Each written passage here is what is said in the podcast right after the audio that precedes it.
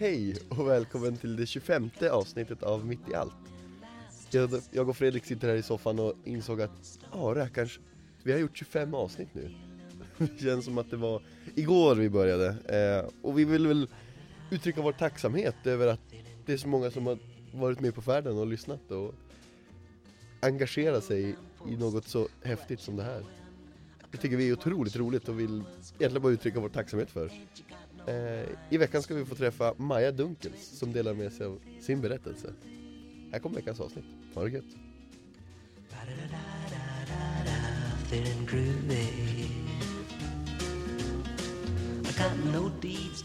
Hej Maja, Hej. hur är läget? Bra. Vad bra. Ja. Hur har din dag sett ut? ja. Jag fick sovmorgon. Mm.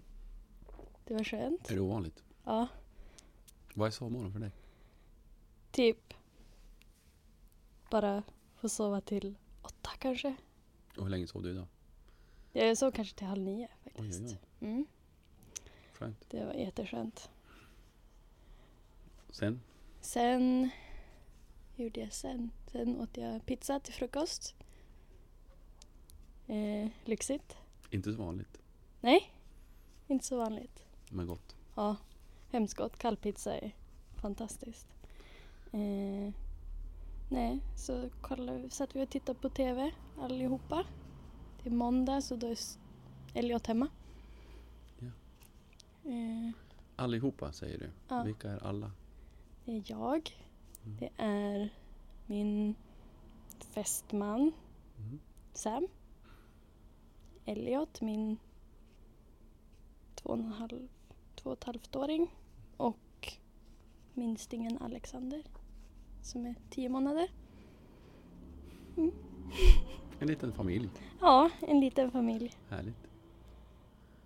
Och sen åkte jag ner på stan. Själv. och fick gå i affärer i lugn och ro. Sen kom jag hit. Schysst. Mm. Eh, berätta lite om dig själv. Ja, jag heter Maja. Jag är 25 år. Ja, 25 är jag nu. Eh, född och uppvuxen på Ålidhem i Umeå. Eh, ja, det finns som inte så mycket om mig. Men, eh, jag har två barn, två pojkar. Eh, en fästman. Jättekonstigt att kalla honom det, men fästman som kommer från England. Som precis har kommit hem. Från, han har jobbat utomlands i två och ett halvt år. Så, ja. Hur, om vi börjar, hur hittar du en fästman från England? Ja. Internet, kanske man kan kalla det. Inte internetdating, men vi sökte lägenhet tillsammans i London. Jag och flyttade till London för jag jag gillar att flytta runt. Mm. Eller jag gillade att flytta runt förut. Mm. Och så skulle vi hitta ett kollektiv tillsammans. Eh, via en hemsida. Och så hittar vi andra boenden. Så innan vi hann hitta en, ett kollektiv. Så, men så träffades vi ändå. Och så nu sitter vi här. Men du flyttade till London. Ja, Eh, hur gammal var du då? vad var jag? 20, 21 Ja. kanske? 21 eller 22. Vad gjorde du där? Typ ingenting. jag gick runt, låtsades att jag sökte jobb, pluggade distans. Ja, bodde, levde, åt god mat. Var ute och dansa. Åkte tunnelbana. Det gillar jag. Det gör man i London. Ja. Ja, det var det.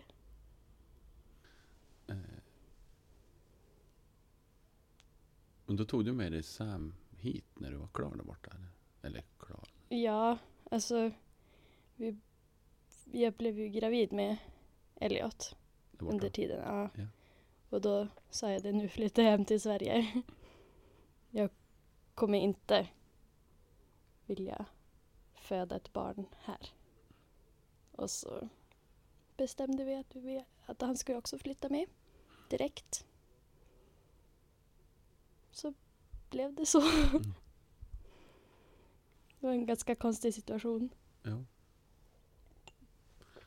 Eh, Varför ville du inte föda barn i England? Så jag har varit på de sjukhusen där. Mm.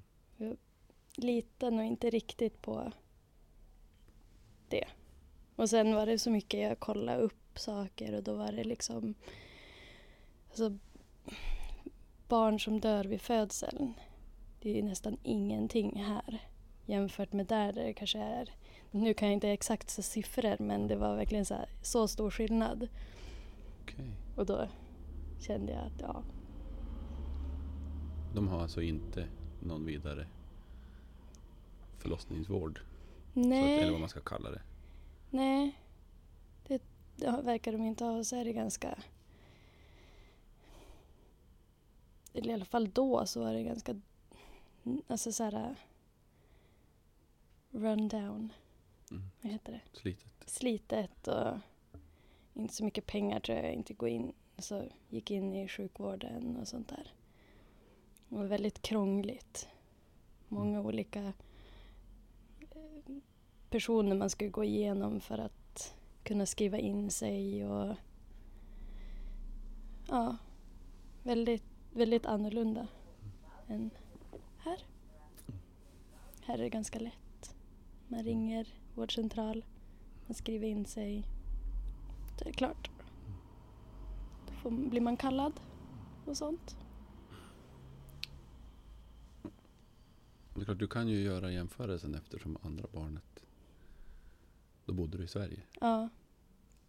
Alltså vi bodde, vi bodde i London fram till jag var kanske i vecka 27 eller någonting med Elliot. Så jag var ju... Så det var ju typ sista veckan jag fick flyga som jag flög hit. så jag fick ju... Vi var ju på många... Vad heter det? Ehm, alltså mottagningar och fick träffa mycket läkare och sånt. Så det är ju helt annan grej. Det var, jag tror att jag fick fem ultraljud med Elliot innan jag var i vecka 27. Okej. Och här får man ett, Ja. kanske två om man har tur. Mm. Men ja. Helt annat. Mm. Men du säger då att, att Sam har jobbat utomlands Mm.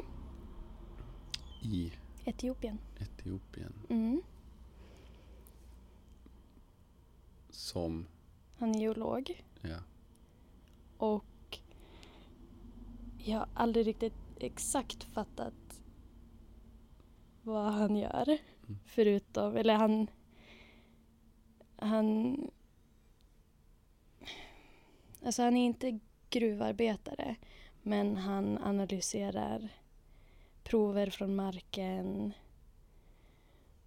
Och ja, sköter sånt. Mhm.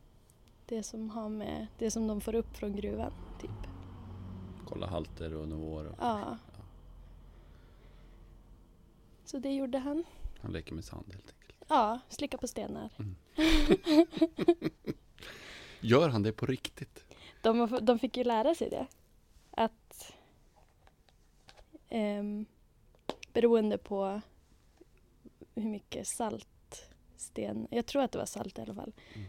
stenen smakar så är det en viss sten eller att den är ifrån det, det tiden eller ja, något sånt där. De kan i alla fall identifiera stenar genom att slicka på dem.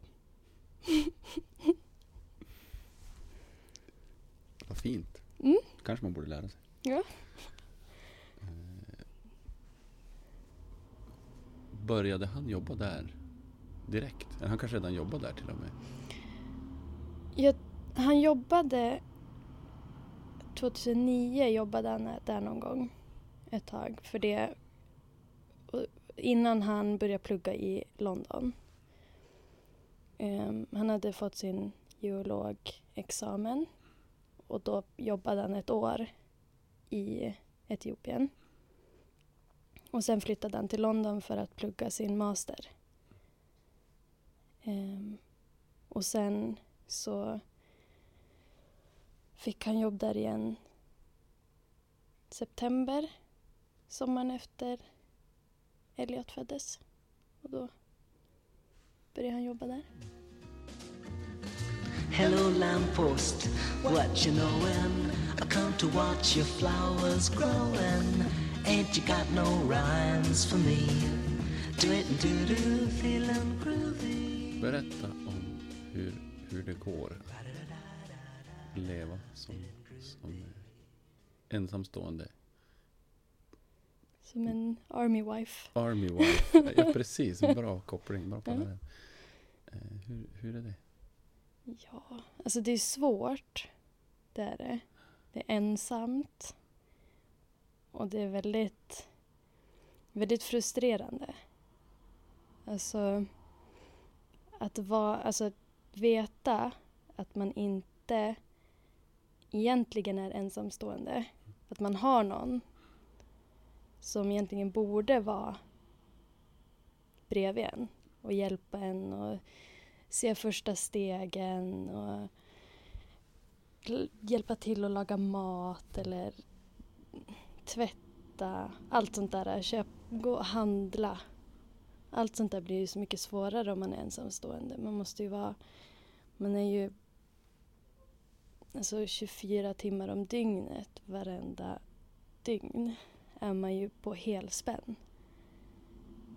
Man sover inte djupt. Det gör man inte, för man måste ju hålla koll.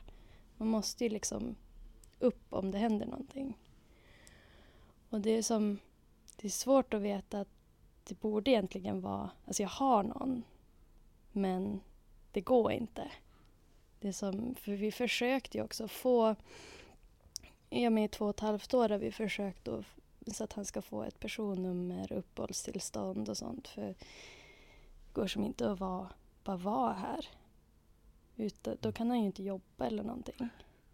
Så det var ju... Det är lite... Det är svårt att ha det så. Men det går. Det går. Jo, Man måste ju. jo. så är det ju. Man, Mm. För mig brukar det räcka med en helg ensam med barnen innan man är sådär gråtmilt förälskad i alla som, Hjälper. ja, alla som hjälper och, och, och eh, berörande, eh, ska man säga, imponerad av de som inte har ett alternativ. De Mm. som orkar helt själva. Som inte, inte har någon som kommer hem. Mm. Det räcker med ett dygn när man är van att vara två. Jo. Så är det ju. Det är ju... Han var, ju, han var borta sex veckor. Och hemma i två. Ja. Och sen åkte han i sex veckor igen. Kom hem och var hemma två veckor. Det är som...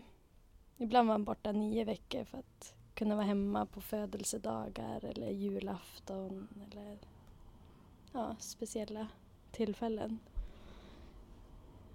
Det är som de första, första tre veckorna, då är det hur bra som helst.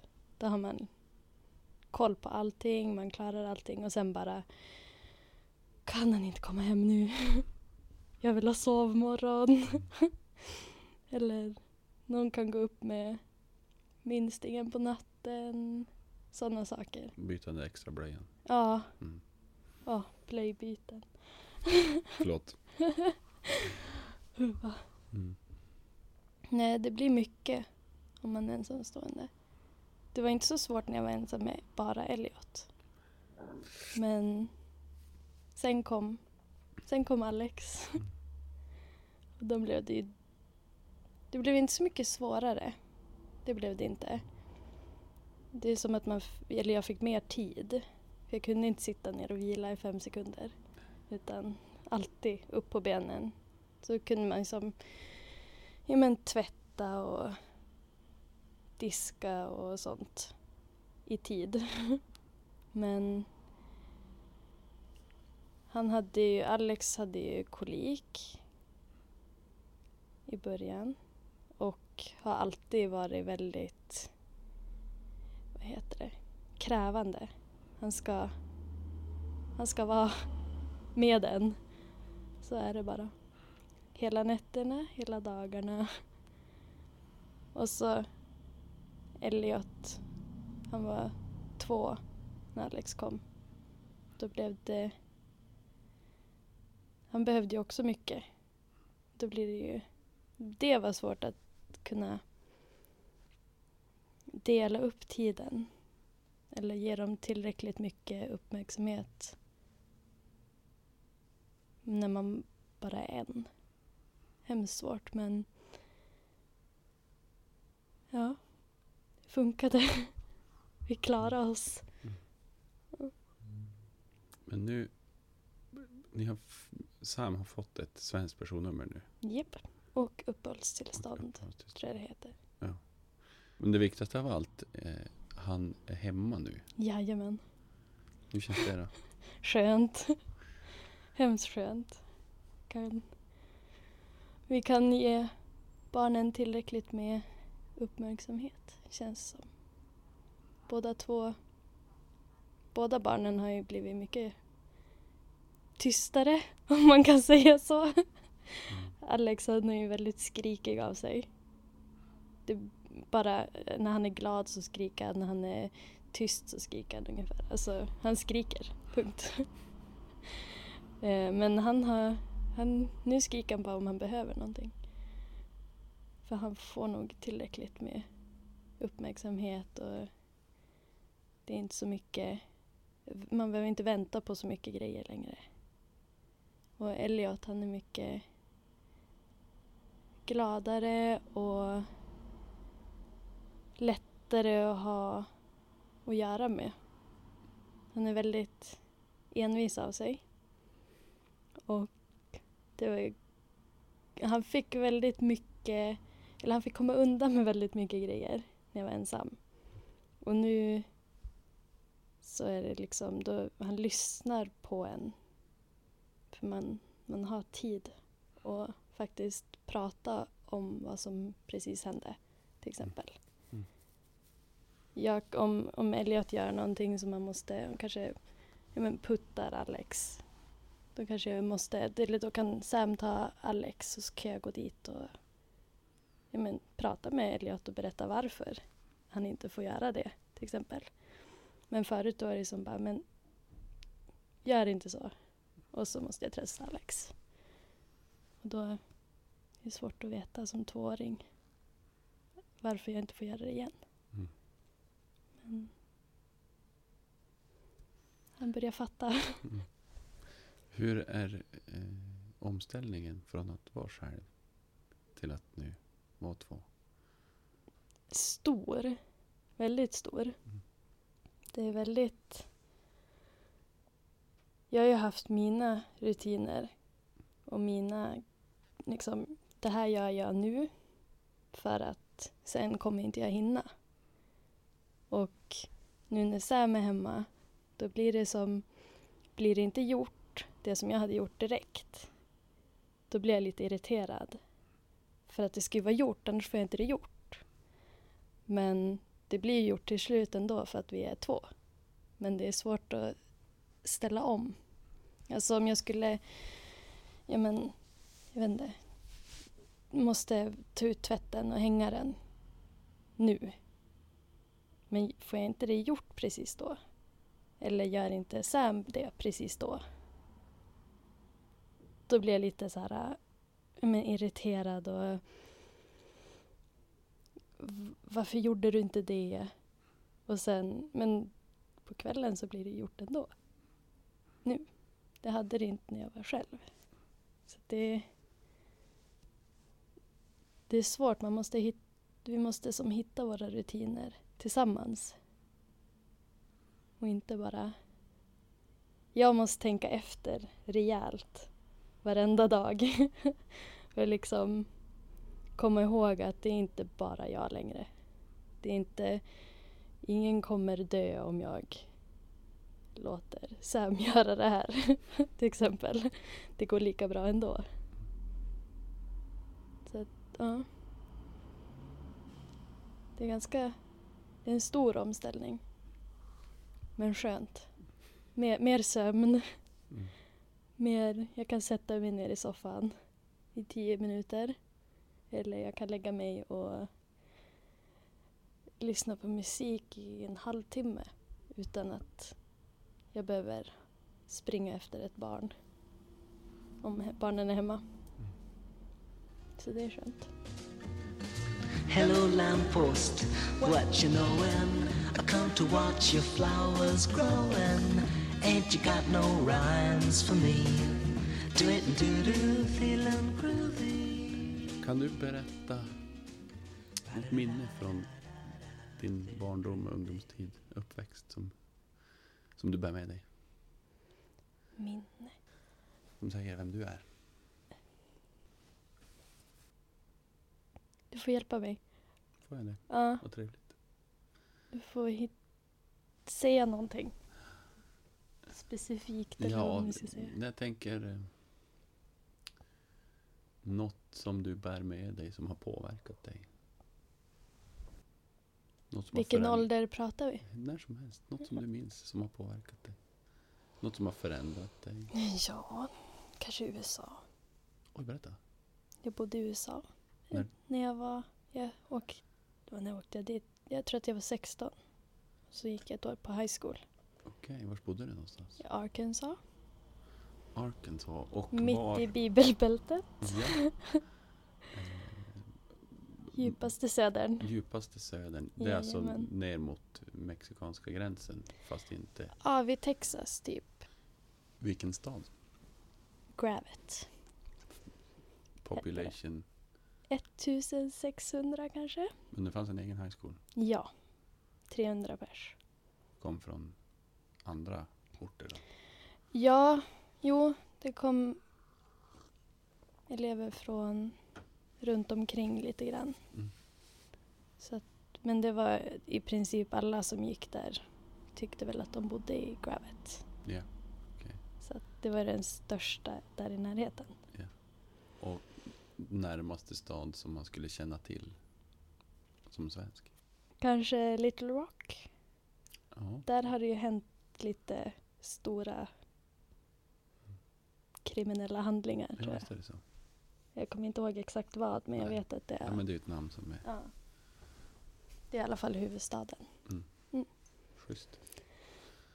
Ja, Hur var det, hur var det att gå på high school? det var ju inte som i filmerna som jag hade tänkt mig. jag fick ju välja när jag, jag åkte med EF. Och så fick man välja, man fick lägga till lite pengar och välja typ. Antingen så la man till jättemycket och fick välja delstat. Eller så fick man välja ett område. Och då valde jag södern. Mm. Jag tänkte jag vill inte åka till kylan. Så jag ville inte riskera att hamna i norra USA. Mm. Och jag hade ju tänkt mig kanske Florida eller Texas. Då är det trevligt. Mm. Det blev inte så. Nej, jag fick papper hem. Eh, och då stod det Dallas Street. Och jag blev överlycklig. Jag tänkte jag kommer få åka till Dallas. Gå på high school där. Men eh, sen läste jag vidare och då stod det Arkansas. Och då frågade jag min mamma och pappa vad är Arkansas för något?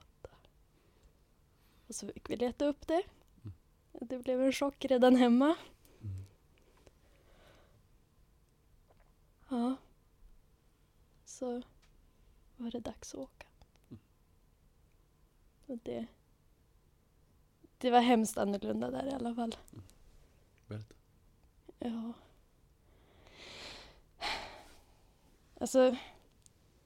Det är jättesvårt att förklara. Det är väldigt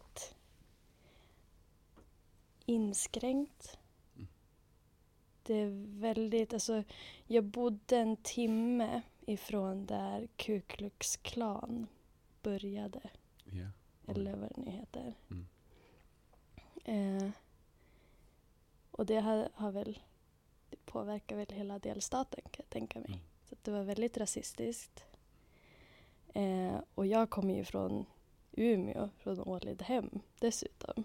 Jag är ju uppvuxen med mångkulturell, mångkultur, Ja. mångkultur. Ehm, ja, men alltid, aldrig ens tänkt tanken på att någon är annorlunda. Alltså, alla är ju samma. Lika mycket värda, tycker jag. Men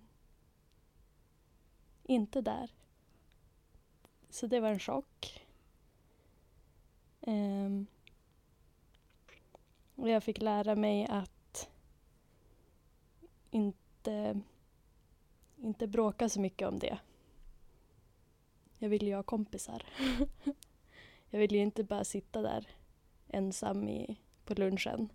Så jag fick ju som vara tyst ibland. Så om du skulle uttrycka att det fanns ett problem med, med rasuppdelningen.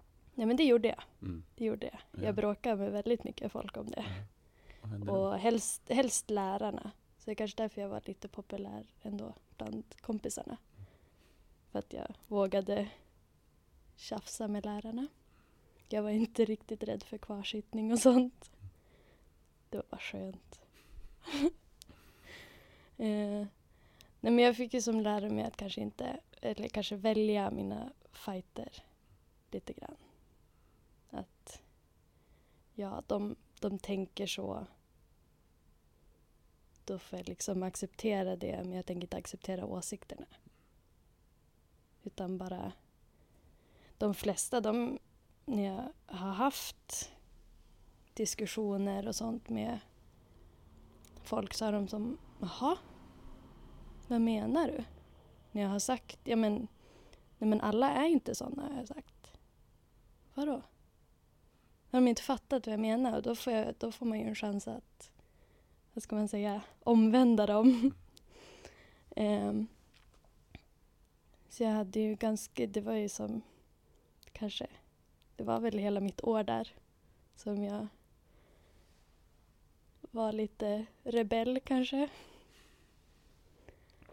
Fantastiskt. Det var kul. Mm. Ehm, Du bodde i någon familj där då? Eller? Mm. Jag började, eller jag flyttade först in hos en familj ehm, som bodde väldigt i utkanten Mm. av den här lilla, lilla byn. eh, och då behövde jag ju skjuts överallt och jag kunde ju inte gå någonstans, det fick jag absolut inte göra. Okej. Det var farligt. Ehm. och så, det var ju som... De hade, eller mamman i familjen, svårt att kommunicera. Och jag tror inte riktigt att de skulle haft en utbytesstudent hos sig. Mm. Jag fick lappar där hon berättade vad jag skulle göra eller om jag hade gjort något fel. Eller... Det var jättekonstigt och till slut då bara, nej men jag måste byta familj. Så fick jag byta familj. Fick jag komma till en av mina kompisar istället. Mm. Och det var mycket bättre. Det var mitt i smeten. Om man nu kan kalla det så. eh, gångavstånd till affärer och skola och så. Mm. så det var skönt.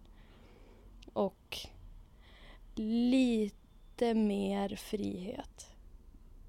Vi fick ju inte kanske göra vad vi ville men jag behövde inte vara hemma sju på kvällen. Jag behövde inte alltid berätta exakt vem jag skulle vara med och sånt. Det var lite mer, lite mer frihet. Och de stannade hos resten av tiden.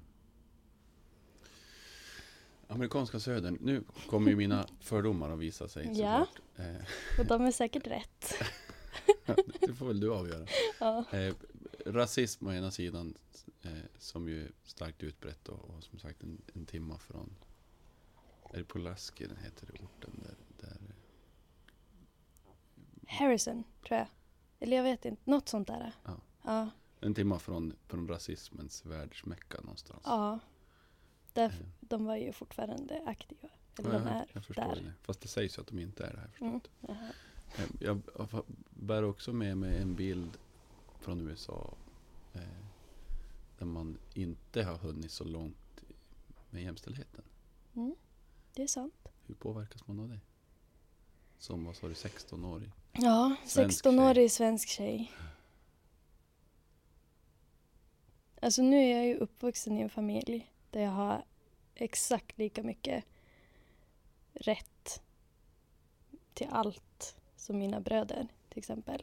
Jag har kanske till och med mer, men de, det har varit, all, alltså mina föräldrar och min, mina, eller hela min släkt är all, har ju alltid varit väldigt ja, eller vi, feminister helt enkelt. Och då hade jag väl kanske lite mer kött på benen också. Om man kan säga så. Mm. Jag vågar mer. Än, alltså jag, jag vägrade ju som var mindre värd även där. I så fall ska jag väl åka hem, tänkte jag. Det är ju det värsta som kan hända. Att de skickar hem mig för att jag inte... För att du hävdar att du har samma rätt Ja. som alla andra. Eh, Hur tas det här emot? då? den första familjen jag bodde hos, jag, det kan ha varit det också. Som hon, mamman, inte klarade av. Att jag... Men jag går inte med på vissa saker. Jag går inte med på att jag måste stå och städa medan pappan sitter och tittar på. Alltså sådana saker. Det, det, han får väl hjälpa till. Ungefär. Alltså, det är som... Det var... Vi är inte... Alltså vi, kvinnor är inte mindre värda. Och jag tror att det kanske när man... Alltså som de var. Jag tror att de är väl uppvuxna så. Att ja, men, stå i köket, är hemma. Så är det. Pappan får sitta och dricka öl i sin fåtölj titta på TV. Och det är som... Jag tror inte att hon klarade det riktigt, mamman i familjen. Så att hon, det kanske var det också. Att hon klarade inte av att jag var så stark kanske. Um, men i andra familjen, alltså då var det ju bara en pappa. Och så var det jag och min världssyster Courtney. Eh, och hon, hon är nog också, alltså hon är inte upp, hon har nog inte blivit uppfostrad på det sättet som jag blev uppfostrad. Men hon, ändå, hon har ändå alltid visat självständighet. Och väldigt mycket så här att ja men, pappa bara säger sånt där knäpp ungefär. Alltså, sån är han. Vi är inte såna. Alltså hon tog inte åt sig av sådana saker. Och då var det skönt att ha en, en som var på min sida. Och han var ju lite, eller han är lite excentrisk kanske. Och ja. Hemskt rolig, hemskt trevlig. Väldigt, jag känner väldigt mycket värme när jag tänker på den familjen men jag hade inte velat bli eller födas där och vara uppvuxen där. Det hade jag inte. Det hade jag nog inte varit jag. Så hade jag kanske ja, mycket tonårsgraviditeter som inte går särskilt bra. Som ja, det, det är konstigt Mm. ändå. Hur eh, bemöttes det i skolan då? Eh, ja, jag var ju inte särskilt omtyckt bland lärarna. Eh, Försökte de, levde de i den här konservativa Ja, könsnormen? ja, och det var väldigt, alltså... Alltså väldigt mycket, vad heter det, bibliskt. Alltså allt, vad det än var, så handlar det om Gud. Även biologin. Min, min eh, biologilärare, hon eh, hävdade ju att, eh, att evolutionen inte hade, vad det nu heter, att den inte har hänt. Att det var Gud som skapade världen på sju dagar. Exakt, exakt det som det står i Bibeln. Och det blev jag lite så här... äh, Jaha, fast du är biologilärare. Det var lite, det var väldigt svårt att komma, alltså komma härifrån och ha all den här bakgrunden och sen komma dit och bara ja men typ vuxna människor som man bara, men hallå. Det är ju som du vet nog egentligen vad som har hänt eller alltså det var, det var svårt att ens gå i skola där. Det var ju väldigt så här, eller det är fortfarande väldigt de lever sitt egen lilla värld. Mm. Eller vad man ska säga.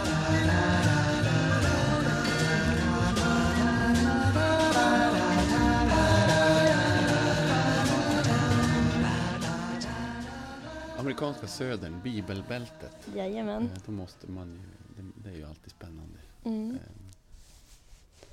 eh, Hur ser din, din andliga sida, din religiositet ut? Är du en troende person? Mm. Det är jag. Men jag är nog inte religiös. Oj, vad spännande. Berätta, hur tänker du då?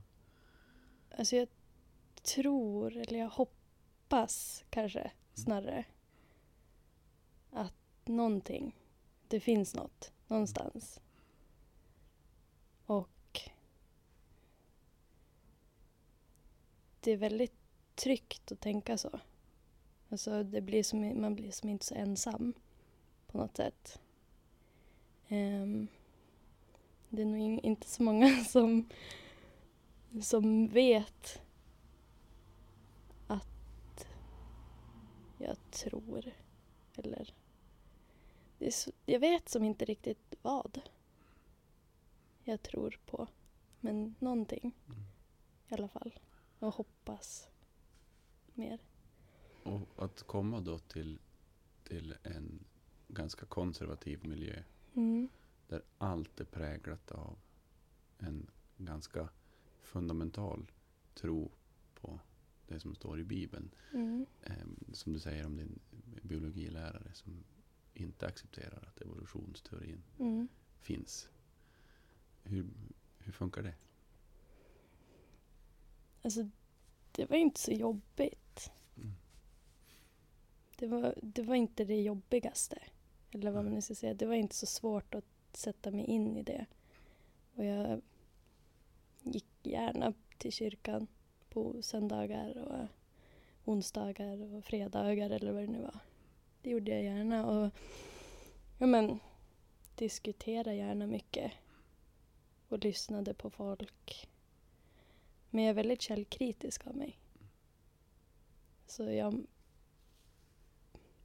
jag vill ju gärna veta och kunna ta reda på saker och få sanningen eller vad man nu ska säga. Att det är, så här är det. Och det är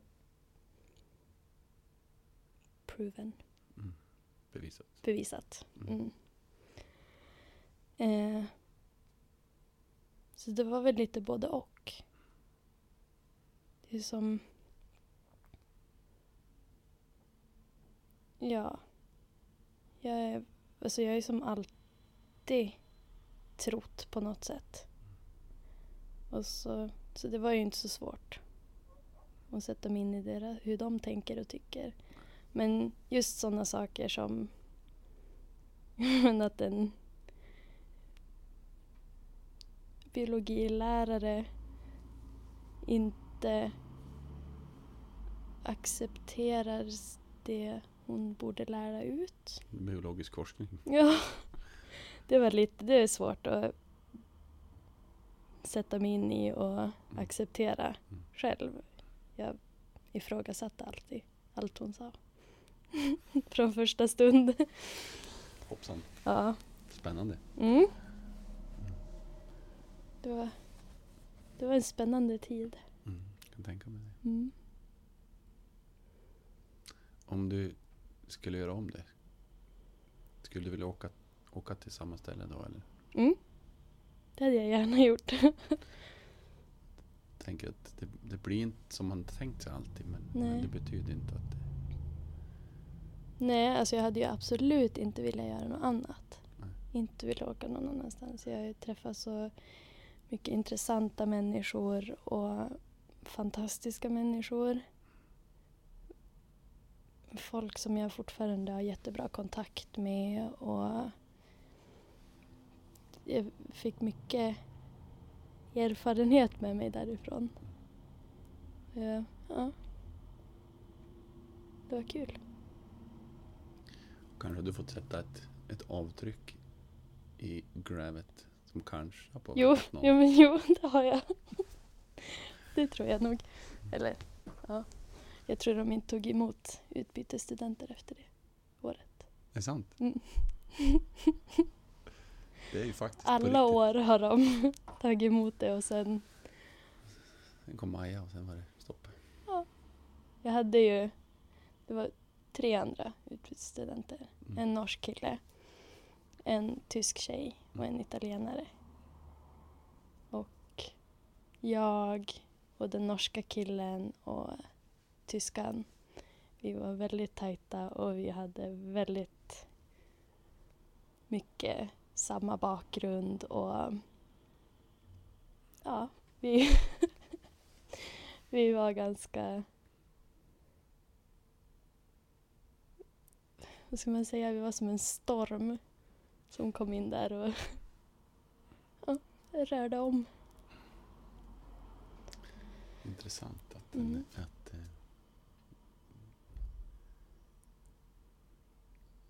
du beskrev dem som ganska inskränkta Mm. i början. Mm. Av, och det, ja, det är tråkigt att inse att det är så. Mm.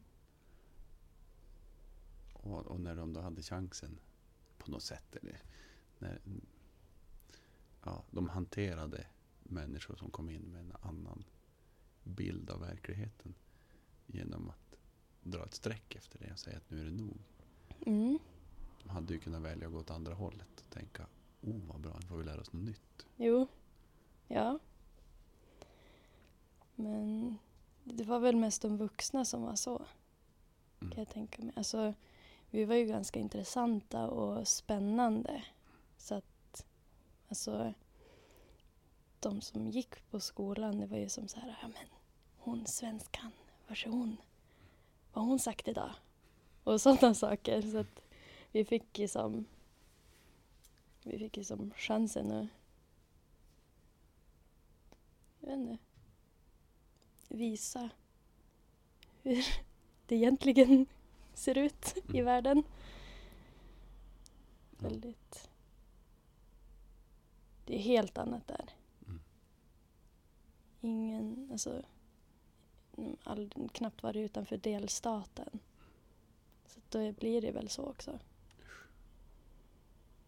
Och här, då får vi som träffa jättemycket olika människor och vi kan lätt åka utomlands. Vi kan ta bussen till Norge, helt annat land. Så att det är som, ja. Då har man väl lättare att se, se det lite större. Eller vad man nu ska säga, se världen Mm. som den är.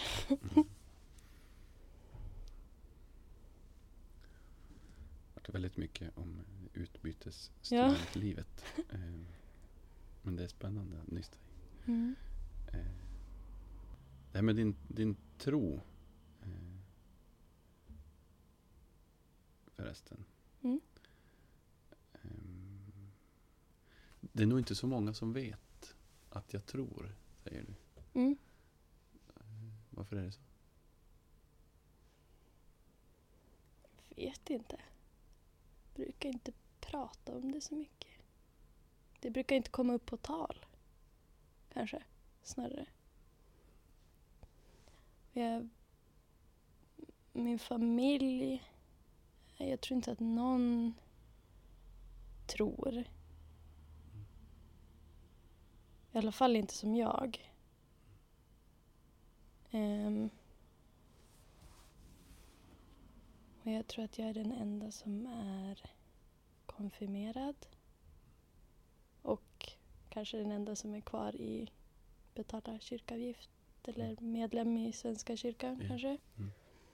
Ehm, och vi brukar som inte prata om det så mycket. Vi, vi pratade om det ganska mycket. Det måste ha varit då när jag var 15-16 Mm. kanske. Och kanske tidigare också så fick vi som höra att vi får tro vad vi vill. Mm. Ingen som kommer tycka något konstigt om en om, man, om vi tror. Det är ingen, inga problem. Ehm, ja.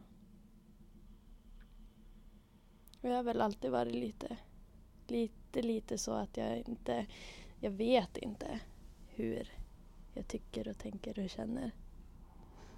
När det gäller sånt. Och jag har aldrig hängt i sådana kretsar, kanske. Um. Mm. Men jag bestämde mig väl någon gång då att någonting borde det finnas någonstans.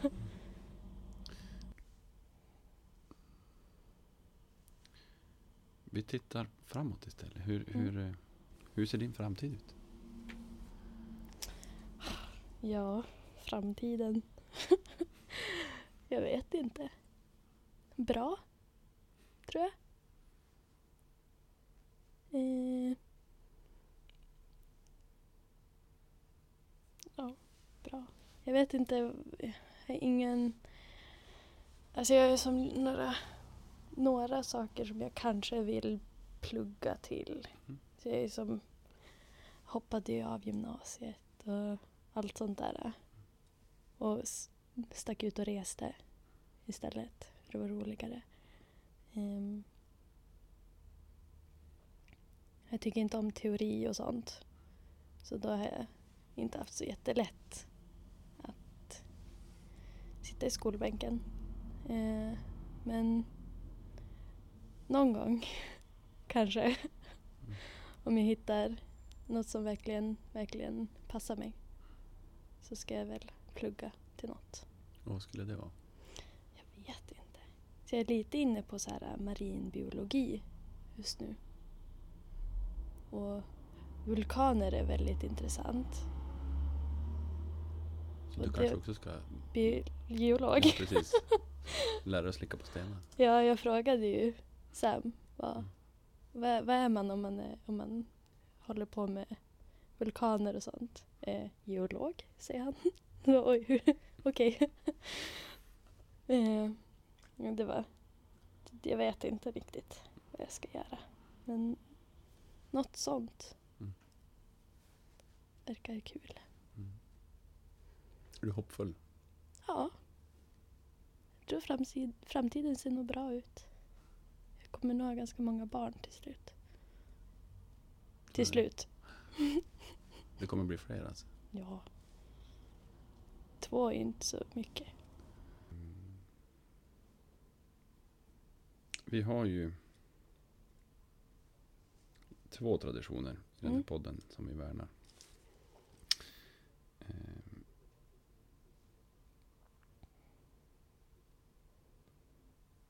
Den ena är att du ska få en fråga av en tidigare gäst. Ehm. Eh, Och sist vi spelade in avsnitt så, så, eh, så var det en sån här strålande dag strålande sol, en sån där riktigt, riktigt god vårvinterdag. Mm. Och han som ställde frågan var, blev väldigt påverkad av det. Mm. Väldigt positivt. Så han ställde helt enkelt frågan hur, hur känner du eh, när du ser sol och blå himmel? Ja, hur känner jag då? Då vill jag ut. Är du en utomhusmänniska? Nej, inte det minsta. Nej, jag gillar att sitta i soffan hemma. Men jag gillar, jag gillar våren och jag gillar sommaren.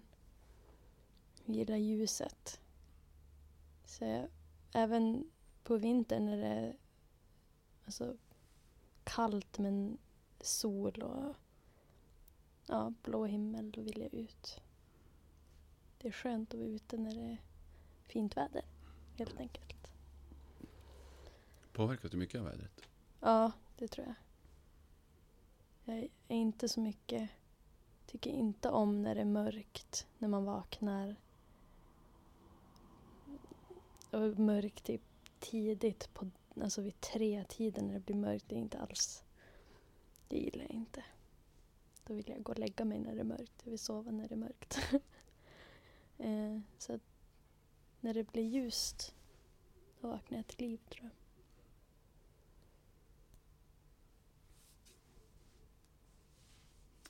Du ska få ställa själv en fråga. Mm. Ehm, en ingrediens att ha på allt, ha i eller på allt resten av ditt liv. Vilken skulle det vara? Typ på macka, på, eller i en soppa, i... Det spelar ingen roll, vad man än äter så måste man ha det på. Mm. Skulle jag vilja veta. Ja. Och vilken är din ingrediens? Vitlök. Vitlök? Ja. Det passar överallt, Är det så? jag. Mm. I godispåsen? Ja. ja. Det var det trevligt. Det var inte ens ett svårt val. Nej. Jag har tänkt på det mycket. Mm. Jag har antingen tänkt salt eller vitlök, men vitlök. Mm. Mm. Det är Har du vitlök i allt? Nästan. Ibland skiter jag i den, men oftast. det får, om, man, om jag bjuder på middag så får man Då ska man räkna med ta med vitlök. tandborste. Ehm, Vi ska strax avsluta. Eh, Jag får säga tack så jättemycket för att du tagit dig tid att vara med i våran podd. Tack själv. Det var kul. Ja, men vad roligt att höra. Eh, och den andra traditionen som vi har är att du ska få välja en låt eh, Mm. som avslutar det här avsnittet. Eh, du får berätta vilken och du får berätta varför. Eh, Flyleaf. Cassie heter den. Artisten heter Flyleaf. Flyleaf Mm. låten heter Cassie. Eh, den är på alla mina spellistor. Märkte jag. Mm. Eh, Det verkar vara ett lätt val. Eh, ja, berätta om din relation till alltså det har ju med USA att göra också. den, hand, väl, den handlar ju om Columbine. mm. massaker, skolmassakern i Colorado. Eh, och det, var, det är väl en av de nyheterna som jag kommer ihåg mest, kanske. Jag, jag vet inte, jag tror det var mycket tidigare än... Det kanske var 90-talet någon gång, tror jag det hände. Um, men när jag väl åkte till USA hade jag alltid den massakern i bakhuvudet. Och vi hade ju vakter på skolan som hade vapen och sådana saker. Och det var ju som... Man hade det alltid i bakhuvudet att vapenlagarna här i USA kanske inte är så fantastiska. Och då är alltid en rädsla att någon kanske får för sig att skjuta oss. Och sen var jag på en konsert med Flyleaf. Och då körde de den. Och sen dess har den alltid varit på min spellista. Jag brukar lyssna på den när jag mår dåligt, när jag är glad, när jag är arg. ja, när jag är normal. Det brukar alltid, alltid funka på något sätt. Så jag tror att det är min sång.